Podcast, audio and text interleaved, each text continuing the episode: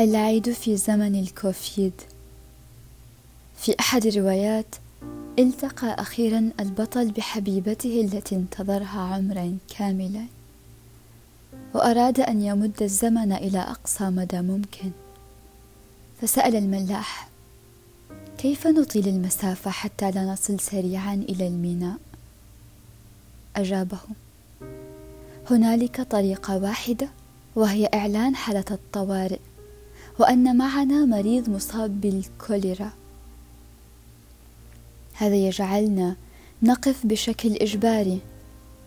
وفعلا حدث الأمر وبقيت السفينة عالقة في منتصف الطريق بين الحقيقة والوهم في قلب البحر واقفة محجورة. اليابسة ترفضهم والموج يلعب بأشرعتهم وأشواقهم. والليل يغطي المنظر ويحجب الرؤية. ولوهلة توقف العالم لا نهاية ولا مين الزمن يكرر نفسه وأعرف أن هذا أغرب عيد سيخلد في الذاكرة. وكأنه لون رمادي بين زهوة الألوان الصاخبة. كيف للكلمات أن تحمل أشواقي إليك دفعة واحدة لتغمرك؟ بعض مني على الطرف الآخر من البحيرة والماء لا يعكس إلا من اقترب منه لذلك سأغامر. هذه طفولة ملامحي أودعها في صندوق وأرميه في البحر عله يصل إليك وترى صبح البهجة في بسمتي. سأخبئ معه زجاجة عطري ورسالة بها سطر واحد. إني أفتقدك جدا. على الرغم من ذلك هذا أروع أعيادي. وعلى المسافة أن تتواضع والطريق أن يتراجع. لأن الإحساس بالذات في العزل يخلق في الإنسان ألف قدرة خارقة للتأمل والتدقيق ومحص التفاصيل. وقد ربط الإبصار والرؤية بالقلب لا بالقرب. ومن دلالات الرؤية بالقلب أن ننظر بعين الحب نحو الآخرين فيكون عندها سمو الإنسان وسيلته الوحيدة للوصول سريعا. هذا عيد للمعنى والفكر. عاد ليجدد فينا تعاريف كثيرة ومفاهيم جليلة كم كنا قبله غارقين في التعود والرتابة. جاء ليعتق الفرحة ويجعلنا كمن يباشر الأشياء لأول مرة. حينها سنرى لمعة الشوق تقفز من بؤبؤ العين ويخلق داخلنا صوت رطب حنون النبرة أصيل الشعور ويضاف إلى قواميسنا مصطلح لغة المسافة. يعرفها الغرباء من تأتأتهم بالنظر إلى الجسر فوق البحيرة ويعرفها أبناء المدينة من لون الماء والشجر وتسألك الأوراق المتساقطة أما زلت تحفظ غصن الذكريات عن ظهر قلب ونسيت عوادم المدينة؟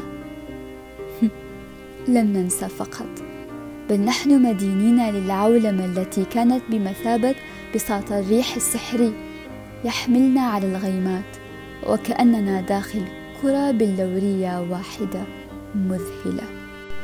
إنه يوم التخفف من الزيف وزحمة الأشياء ونكتفي بالقليل الذي نرى من خلاله أنبل معاني الحب. درس للتخلص من الشوائب التي تحجب إدراكنا وهي نفسها الأمور التي نقم وكتب عنها حانقا الشيخ الطنطاوي في مذكرات العيد. التطور الذي سلب منا السعادة والمتعة. وقام يتساءل أتغيرت الدنيا أم قد أضعت عيدي؟ لو أنه معنا اليوم أجزم أنه سيرد الاستفهام بلا لقد وجدت عيدي الذي ضاع. العيد في أقصى جماله يكون داخل وطن يحميك ويحتويك في أصعب اللحظات. ويكون ملاذك الآمن وسط الخوف الكبير ويأتي بيان يهزم كل شك بكلمات خادم الحرمين الشريفين ملكنا سلمان بن عبد العزيز مهنئا أبناءه. العيد في الصحة والعافية. وفي تفاني مملكتنا العزيزة بتقديم التسهيلات وكل إجراءات السلامة في مواجهة الجائحة الأعظم على مر التاريخ. واحدة من الضروريات لحيوية الحياة. أن يكون لك وطن. يجعل منك القيمة الأولى والأهم. ويعتبر رأس المال الحقيقي صحتك كإنسان. ويقف الداعم الأول بإخلاص شديد لكل البشر.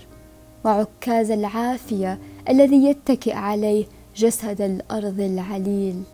محمود درويش على كنبته قال في البيت أجلس. لا حزينا. لا تعيس لا أنا ولا أحد. سنقطع الصمت والسكون ونجعل للنص نصا آخر يحتويه لا لست وحيدا ولست حزينا إذ عرفت معنى المكان. فالمكان هو عثور الحواس على مواطن للبديهة.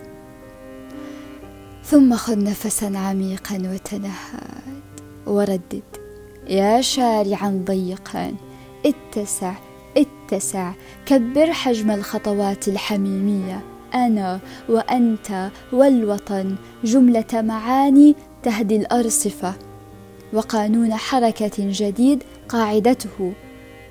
نفوقه في المقدار ونؤيده في الاتجاه. وشعاره العيد هو المسافة والبعد كفاية. نحن أغنياء بشعور الوفرة وإدراك النعم. ما زالت السفينة في البحر وفوقها سماء كبيرة وكأنه وصفها رجل بادية وعبر بكلماته البسيطة لعالم الفلك. أنتم ترون نجوما هائلة وكثيرة ولا ترون شيئا وراءها ونحن نرى نجوما قليلة لكن نرى الله وراءها ونرى الحب ولهفة الوجدان التي تروض المسافات. بعدها سيختفي الليل ونفهم سر أشجار البنفسج التي تبذل ازكى عطورها في الفجر. أمام السحر نقف من النافذة نحو الطريق الطويل ونردد. الله أكبر الله أكبر. ولله الحمد. وبصوت قلبي واحد الصلاة في بيوتكم والعيد في قلوبكم. يجب أن يبدأ العيد من داخلنا اولا فإن البداية من النفس هي البداية الوحيدة الصحيحة. وعساكم من عوادة واقربينه